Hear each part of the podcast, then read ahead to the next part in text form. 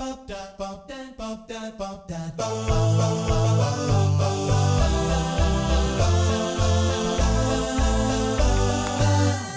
selamat pagi, siang, malam Kembali lagi di Plung Podcast Liar Ugalan-ugalan guys Yo, iya. iya. Oke, malam ini gue sendirian Dia anjir. Gila. Gila, lu sendirian banget. Gila. Oke, malam ini kita akan ngebahas tentang proses rekrutmen dari sebuah perusahaan nih Ya gimana, eh, so- kita malam ini kedatangan Bapak Stephen Wah, Saipen. Siapa yang anjir? Lo serius nggak seakan-akan aja kan lo nggak ini sih Gak bisa gue orangnya orang lain serius. Oh iya, gimana tadi Eh, proses-proses rekrutmen ada beberapa poin sih nih yang udah kita catat ya kan. Hmm. Jadi intinya yang pertama tuh kompetensi sama syarat nih. Itu udah jelas ya. Lo mau ngelamar kerja, lo balik lagi tadi tuh kayak pembahasan kita sebelumnya kan. Lo harus benar-benar kompeten sama bidang yang lo apa ya, gelutin. Misal lo lulusan SMA IPS, nggak bisa lo ngelamar jadi apoteker, kagak diajarin aja. Ya repot namanya. Kadang-kadang kan ada juga yang orang udah hopeless nih, semua gawean di tusuk, tusukin atau apa. Cuman gue dulu pernah pernah punya pengalaman goblok sih menurut, menurut gue sini. Jadi waktu itu baru lulus ya. Tuh surat lulus udah keluar tuh kuliah kan gue. Di Kelapa Gading lagi ada nyari sosmed. Terus udah gue datang tuh. Gobloknya tapi gue nggak bawa CP. Anjing sumpah tuh demi Tuhan anjing nggak bawa gue seadanya. Lu curhat doang. ke sana, Tapi gue bawa portofolio gue. Oh, saya lupa nih gini gini gini. Akhirnya udah tuh di ini dilihat wah oke sih cuman CP-nya mana mas anjing gue ditolak nih ngentos nih. Ya lu lagi Sumpah anjing perdana itu gue gak ngentos. Lu mau perang nggak bawa senjata sama anjing. Cuman bawa pelor doang anjir. Pokangannya gak ada. Udah gitu anjingnya kan itu perusahaan ini nih. eh, banyak ininya apa sih boy? Kayak cool proynya gitu yang ngangkat-ngangkat gitu. Gue sangkain, mas ini mau langsung kerja apa gimana? Maksudnya iya angkat ini aja langsung ngentos kata gue anjing. Gue langsung suruh Angkatin. ngangkat apa sih itu yang kayak di bok-bok gede-gede gitu loh pokoknya nggak tahu gue barangnya apa gue kayak gitu sih wah tuh intinya lo kalau mau ini jangan lupa CP deh ya kan nambah kelengkapan Gak mungkin. Itu satu banding berapa yang Gua- orang goblok anjing bener tuh, seada-ada bawa itu. Goblok. Tapi ini serius anjing gue gak bohong Gak lo termasuk orang orang yang itu ya. Ya, agak gue kan Enggak udah lo udah udah. Kalau niat Iya. kerja apa enggak sih kok gak bawa CV. Domo sih itu anjing tuh bener. Nah ini sih yang yang menurut catatan lo apa sih ada lagi sih yang syarat-syarat buat ini tuh Kalau lo bikin CV atau lo punya portofolio tuh dibentuk Jadi- menarik supaya iya kalau misalkan ditumpukan itu punya lo tuh highlight banget Nah, gitu. Jadi benar, terlihat si perus apa HRD atau kepala perusahaan tuh seenggaknya megang deh ngelihat Nah. dulu. Kan banyak kan tuh CV banyak saking banyaknya cuman kayak kartu doang. iya Tek tek tek tek tek tek. bener. Ntar berhentinya di mana? Nah, kalau Hmm. lo itu lo menarik kan paling nggak kan berhenti di lo. Seenggaknya itu kebaca dulu deh masalah Hmm. ntar terima atau enggaknya ya itu kan ada inian lain ya, Iya, apa namanya benar. pertimbangan lain Benar. dari sisi permintaan oke, oke, gaji ke atau dari benar, benar, benar. Pengalaman kayak itu kan. Yang penting tuh CV lo kebaca dulu deh. Iya, itu benar. kan udah Nah, poin. ya.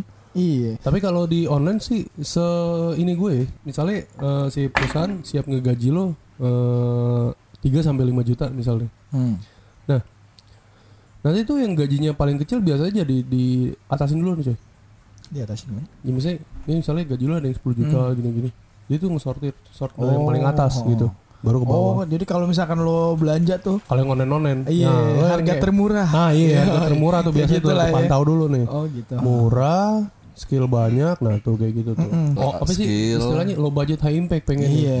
Iya. Apalagi ada ini ya kan apa namanya dalam kerja di bawah tekanan. Wah, anjing Wah, itu seneng banget. Tuh sebenarnya ngehe sih anjing tuh bener Wah, tuh. pas begitu dia baca, Wah. bisa nih di bawah tekanan Wah. nih. Oke deh, pisahin dulu nih. Budget nih di Belandain.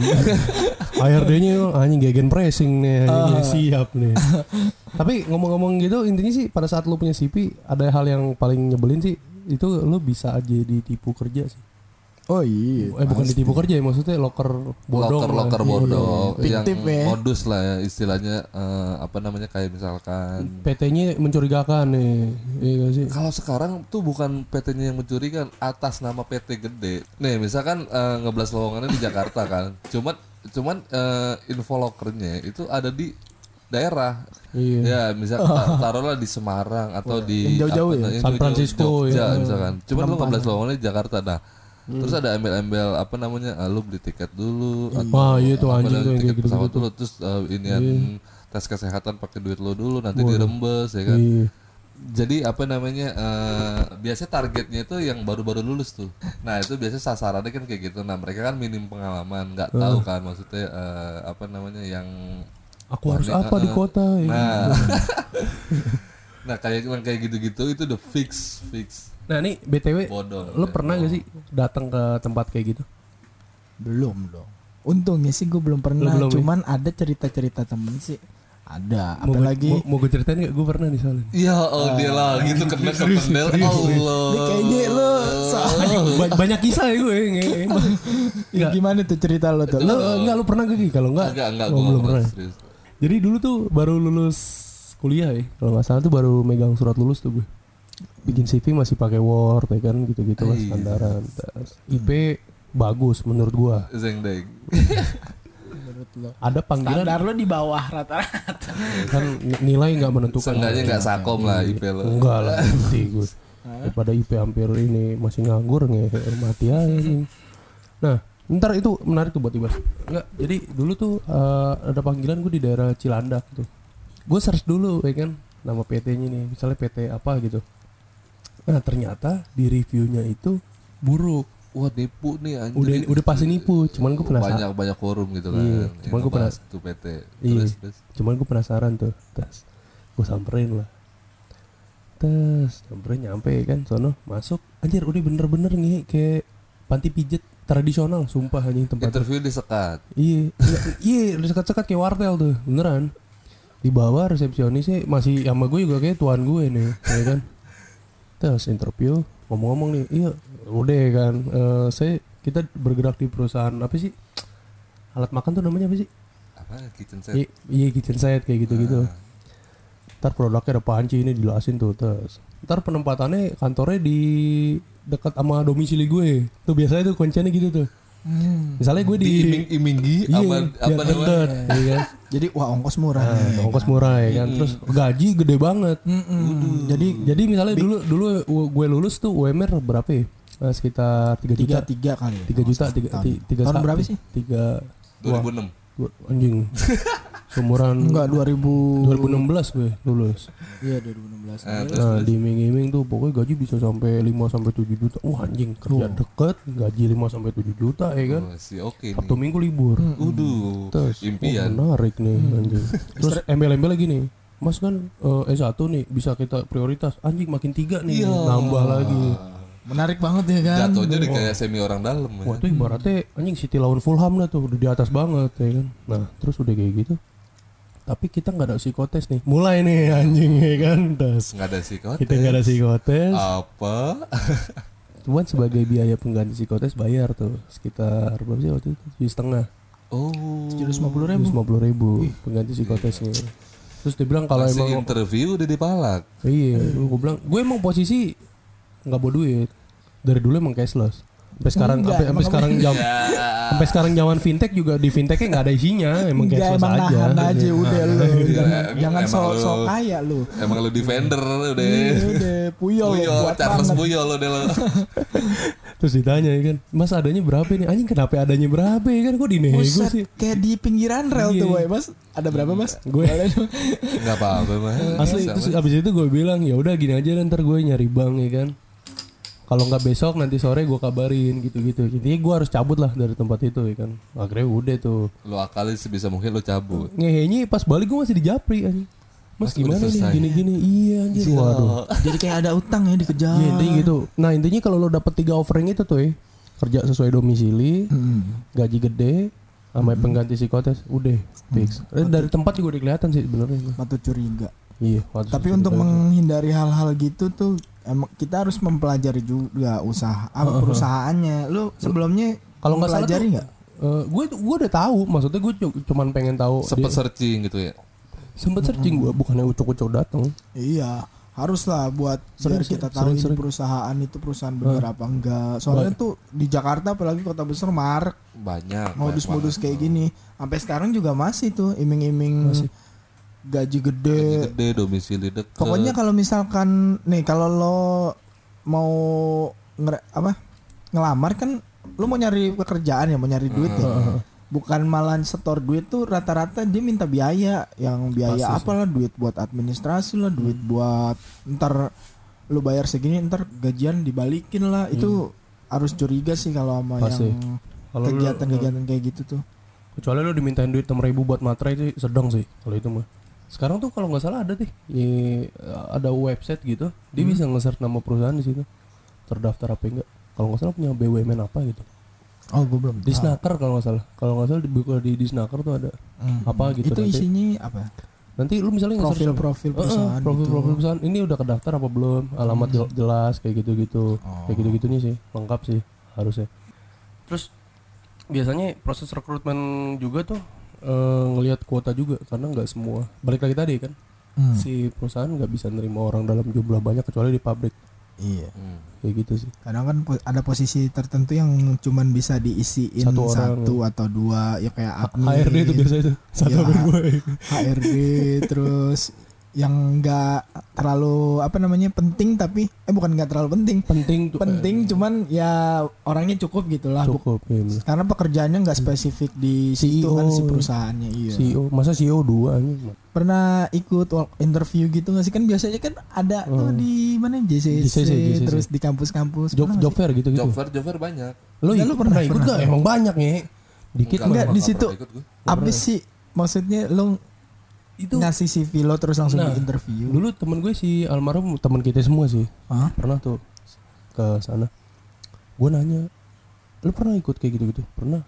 Itu kayak gimana? Wah, anjing, mukanya pada hopeless pengen nyari gawe semua. Sumpah anjir gue denger cerita kayak gitu. Tapi emang biasa antri gitu-gitu antri. Gi, antri. Nah lo di situ antara lo harus intinya siapin dua hal ya flash disk lo sama CP sebanyak banyak kan CP di drop drop tuh kayak gitu biasanya kan ka- ya ada boot-boot yang gitu ya Ah, Nah, boot stand-stand deh. gitu kan. Iya, misalnya apa nih perusahaan eh, Garuda Indonesia misalnya naruh di situ, ntar misalnya ada kopi apa kayak gitu-gitu deh pokoknya tuh banyak tuh. Biasanya ada yang bisa langsung eh langsung tahap akhir, tapi interviewnya nanti kedua, bukan di situ. ya interview sama user gitu. Heeh, bukan di situ. Di sini pokoknya udah, wah oke nih, lo qualified kayak gitu-gitu tuh. Itu kalau nggak salah bayar tuh kalau kalau Bayar, bayar, bayar. kayak ya masih bayarnya cuma kalau nggak salah. bayarnya itu kalau nggak salah cuma buat pas eh, masuk Iya, iya, masuknya doang. iya. Kayak misalkan lu nonton no- misalkan nonton konser gitu, biar tiket masuk aja udah gitu. Iya di dalamnya emang enggak. Mm. Kayak gitu. Intinya sih itu kalau masuk boot sendiri-sendiri gitu, Sendiri-sendiri. satu-satu. oh Dan biasanya kalau yang di job fair kayak gitu perusahaannya worth semua sih harusnya ya. Tapi kalau di situ ada tindakan itu enggak Pungli-pungli gitu. iya saya kan lo cuman berdua doang ngamen nih bang bisa lah masukin gue set Bisa kali. Pakai amplop. Kayaknya sih enggak deh, kayaknya. enggak ya Kayaknya sih oh enggak. bagus lah Soalnya iya ngapain juga kan lu. soalnya kalau eh kalau gue lihat di situ sih nggak cuman yang lulusan bawah doang kayak misal SMA Banyak, cuy, gitu. banyak. Gak tuh banyak yang sarjana-sarjana yang lulusannya tinggi-tinggi pada ke situ ya. Bahkan yang umur-umur udah expired kadang masih ada juga. Udah supaya itu umur berapa ya? Ya, maksudnya di atas 30 kan Injury kadang time. iya injury time nih. Senja karir nih. Iya. Kan? Ibaratnya seumuran Ronaldo Messi. Iya, masih aja tuh kayak gitu. Head to headnya sama bocah kayak gitu. Ada ada. Masih ada kayak gitu. Ya, dan yang nyebelin di job fair tuh bukan lo proses naruh CV-nya lo harus pakaian rapi itu gedek banget. Gue udah Iya. kayak sales gesper anjir pakai anjing kemeja ini kan baju dimasukin ya Hitam putih wajib. pakai tas tuh kalau preman pensiun nyopet itu anjing masuk Padahal angkot kalau lo diterima pakaian lo bisa nggak jadi ugal-ugalan Gitu, anjing iya. kayak misalkan lamarannya soal apa orang gudang di perlu ini kan nggak perlu rapi-rapi gitu. Ini orang Paling- udang nih Iya. yang Nyetir apa? ya? nyetir forklift aja. Yang kayak Ada, gitu iya, kan, kayak nggak perlu pakaian rapi kan. pakai caterpillar lo yang ada gawe Nendang copet mayan tuh mata Buset, main. berantakan boy Dia sih gitu nah ngomong masalah sogok itu sebenarnya tuh masih ada tau kayak gitu-gitu kan. Masih, masih, masih. Apalagi profesi jangankan yang Biasanya di outsourcing kayak gitu tuh. Budaya Outsourcing, ah, outsourcing. budaya-budaya kayak gitu. Gimana? Outsourcing pabrik misalkan. Lu berapa kepala nih misalkan? kepalanya maksudnya apa nih spesifik dong lu bahasa lu Nggak, bahasa kepala lu- itu ya kepala itu satu orang. Iya. Jadi misalkan biasanya ya kalau di outsourcing itu tuh eh, apa namanya? Itu kan penerimaan rekrutmennya skala besar kan. Untuk apa keperluan pabrik, keperluan produksi atau apalah gitu. Pokoknya yang skala besar. Nah, si pabrik ini biasanya pakai jasa outsourcing si outsourcing ini dia ngeblas ngeblas lagi ke apa namanya ke info-info locker misalkan nah dari nah dari beberapa apa namanya beberapa yang lamar itu biasanya di Dilalerin. Oh enggak.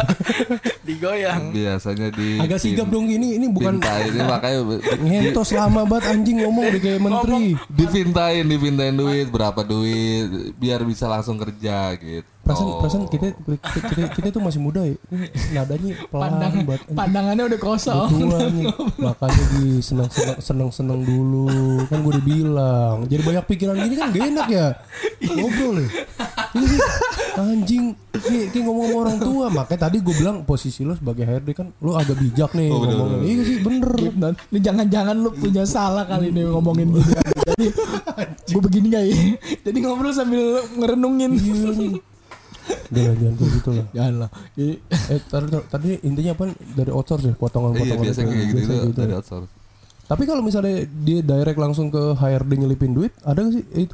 Oh, waktu kalau di Tangerang kalau nggak salah, nah ini masih di loker Tangerang tadi nih. Jadi ada biaya ADM-nya, yang apa administrasi. Administrasi. Jadi lo masuk, diambil-ambilin, lo harus masuk tapi bayar sekian. Tapi itu pasti masuk. Jaminan lah ya jaminan pasti Ah, ah. Dan posisi nggak boleh kayak misalnya kita gaji pertama dipotong, dia nggak mau. Tapi itunya nggak gede kok biaya admin. Di awal doang misalkan. Di awal doang cuma 500 sampai 300 enggak enggak gitu. 500 satu setengah sampai 3 juta sih. Anjir Eh, itu gede Eh, bonyet coy. Tapi- dapat handphone. tapi jaminannya langsung masuk. Ngerti. Gajinya lebih gede. Gaji lebih gede. berapa persen? Ya mungkin setengahnya lah setengah, dari gajinya dia. Dipotong tapi harus di awal. Nggak bisa di tengah. Itu pasti masuk kayak gitu sih. Nggak tahu ya kalau di Jakarta ya. Kalau di daerah Tangerang karena gue ini kan sering tuh. Bahkan ada yang lagi itu tos-tosan. Mau screenshot rekeningnya langsung nih buat siap biaya ADM 7 juta setengah bang. Buset lu. Tujuh juta setengah anjir. Lumayan ya. Gue masih nggak ikhlas kalau begitu. gue gak mau anjir. Pungli Lo banget tau nggak tuh kalau lo masuk cara begitu, nah. gaji lo tuh haram seumur hidup bos. Lo coba- mau tuh coba makan. Gigi keluarin dalil hadis-hadis kayak gitu. Aduh, Lo- repot-repot aja. Tapi kalau misalkan yang begitu-begitu biasanya tuh apa di ranah-ranah yang kompetitif sih boy, yang yang eh, maksudnya jalur jalur masuknya Nah, tuh iya itu emang enggak itu emang rata-rata yang gue tahu sih yang biaya admin gitu di pabrik sih. Iya. Kalau di perkantoran nggak ada sih. Iya, Kalau karena kan kalau pabrik kan kompetitif banget boy buat masuk ke pabrik itu. Soalnya kan kalau dilihat dari jadi buruh pabrik kan ada jaminan atau fasilitas-fasilitas yang tunjangan tunjangan lah ya. iya terlebih lagi pendidikannya tuh nggak begitu tinggi. Sementara kan di masyarakat kita banyak yang Kurang lah ya katakan. iya tingkat pendidikannya tuh ya lulusan SMA gitu mentok. Jadi tuh Bukan karena nggak mampu ya biaya sih sebenarnya. Iya, jadi tuh untuk masuk di situ sangat kompetitif banget. Jadi banyak disalahgunain sama si oknum-oknum dari perusahaan itu, kayak ngambil untung lah, Benar-benar. dijaminin masuk tapi bayar lah, terus nggak benar nggak benar. Lo kalau misalkan lo masuk pakai cara gitu, haram gaji lo? Haram benar. Intinya kalau emang lu harus ngeluarin harus diwajibkan ngeluarin duit, Hmm. yaitu maksimal 6000 buat biaya materai. Udah. iya. Di luar itu jangan. Sampai parkir paling lu. Lu kesamu lu ngisinya. Itu tadi yang soal sogok menyogok ya. Nyogok Nggak ya. ada bedanya sih boy sama praktek KKN ya. orang dalam. Bisa, bisa. Iya. itu hampir beda-beda tipis tuh. Kalau sogok kan ya lo nggak kenal, Heeh. lo bisa ngasih duit. Nah ada nih cara masuknya lain nih pakai orang dalam. nih. Pintu samping ya kan. Yo, lo, lo punya punya relasi nih sama orang dalam, entah itu langsung temen lo langsung atau duh bokap lo punya temen di situ atau temennya temen lo. Oh, udah banyak lah pokoknya. Masih ada tuh praktek-praktek kayak begitu tuh biar lo gampang masuk dapat kerja ya kan. dulu sempet tau ada yang kayak gitu cuy bahkan di wah, ini anjing jadi nggak tahu ya jadi buka orang perusahaan lama apa gimana nih Hmm. Di tempatku tuh dulu hampir satu fam semua. Eze family Dinasti ya. family gathering. Gathering Jadi kayak dinasti ya dari wah itu semua. dari generasi berapa tuh? itu kalau di rokok manggilnya mas cuy. Oh, gue bisa pastiin deh di kantor jadi pak nih sama bu ya kan? Iya, waduh. iya, iya. Biar terlihat gue profesional. gue tuh nggak tahu. Gue gue pas di sini bro nih di wanti-wanti kan ya, sama si ini si ini si ini jangan terlalu ini emang kenapa ya? ini masih adiknya gini anjing kata gue Ma masalah banyak lagi nih waduh makin diinjak nih kata gue bener aja coy kayak gitu-gitu Susah. meeting mulu kerjaannya gawe mah kagak nih berarti kayak Ferguson ketemu Mourinho nih ya kan adu taktik mulu main kagak Enggak kalau udah keluarga udah susah. Her. oh susah Kuali apa eh, kuali apa? Anjing. Lo mau se lo secerdas apa Iya, tetap salah gitu. nge di mata dia mah? Lo mau seproduktivitas kayak gimana terus effortnya ke mana nggak tapi kelihatan. tapi kelihatan sih maksudnya pada saat lo masuk di tempat kayak gitu satu lu kerja jadi semena-mena terus ngegampangin gitu dibanding kita yang masuk dari pintu bener ya kan? Iya. kayak gitu-gitu. Itu ngaruh sih kualitas diri lo sebenarnya kelihatan sih pada saat lo masuk dari pintu samping. Gue bisa pastiin sih Sebenarnya orang juga kalau ya. yang dari pintu samping Benar, biasanya kerjanya tuh udah jadi jilat aja lo or ngejilat sebenarnya juga ya, kalau misalkan gitu-gitu kita sih. ya, misalkan eh, eh, pakai orang dalam gitu kan, nah itu udah membuktikan kalau lu tuh nggak pede pakai jalur bener gitu. iya lu nggak kompeten Heeh. itu sih gitu Nggak punya apa namanya ya nggak punya kompetensi. Heeh. Nggak punya nggak berani buat kompetisi dengan orang-orang lain. dulu tuh bahkan gue tuh sempet nanya tuh cuy ke udah kenal sih maksudnya lo tuh mau sampai kapan sih di sini di perusahaan punya abangnya kan Hmm. ya sampai dia bisa benar-benar sustain dalam hati gue ini mah kayak perusahaan akan gini-gini terus deh sampai gue cabut. Itu benar cuy. Gue udah tiga tahun ninggalin tuh kantor masih begitu aja. Gue nggak cabut-cabut dong berarti ngehe kata gue. Nggak sustain sustain kayak gitu sih Kayak- Iya.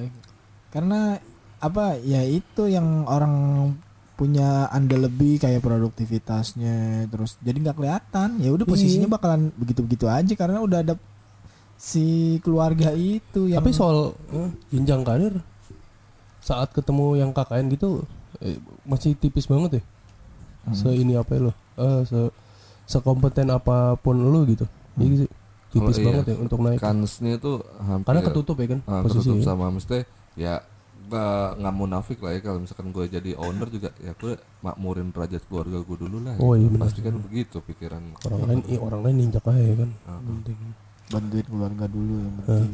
intinya intinya eh, sukseskan keluarga dan bisnis orang lain nomor kesekian. Oke. Oke mungkin Udah dari kita gitu aja ya kan. Ah. intinya kalau misalnya lo udah ketahuan nih masuk di perusahaan keluarga mending lo eh, limi- limi- limitin waktu lo deh. Gitu, sampai kapan? Eh intinya. bener tuh enggak dong iya iya daripada iya, lo iya. di itu salah satunya. Salah satunya sih. Tapi yang lebih inti lagi sih lo kalau mau masuk perusahaan eh, ja- tingkatin pakai- enggak eh, tingkatin kom- dulu kualitas dulu ya. diri lo semane sebelum, Sebelum minta mau- gaji yang sesuai. Hmm. iya karena perusahaan kan nggak semena-mena ngasih gaji Iya. rendah atau tinggi kan pasti dilihat dulu kompetensi lo. Terus Apalagi bagi eh, pelajarin juga perusahaannya itu profil perusahaannya sebelum lo masuk. Jadi waktu lo di interview lo udah tahu nih perusahaan itu kayak gimana terus HRD juga ngerasa lo serius gitu mau kerja di situ. Itu jadi poin penting terus benerin juga sih lo biar kelihatan Iya, menarik si Pilo, ya kan bener-bener. apalagi lo baru lulus, tolong misalkan eh, buat adik-adik yang baru lulus, tolong benahi dulu. Jangan Iya. mintanya yang tuh ngomong itu ya anjing ade-ade kan bangsa emang ada banyak nih Iya. Pernah ditipu ade nggak? Oke, itu aja dari sekian kita dulu ya. dari kita. Sampai ketemu Sampai lagi di ketemu lain lagi. kesempatan. Bye.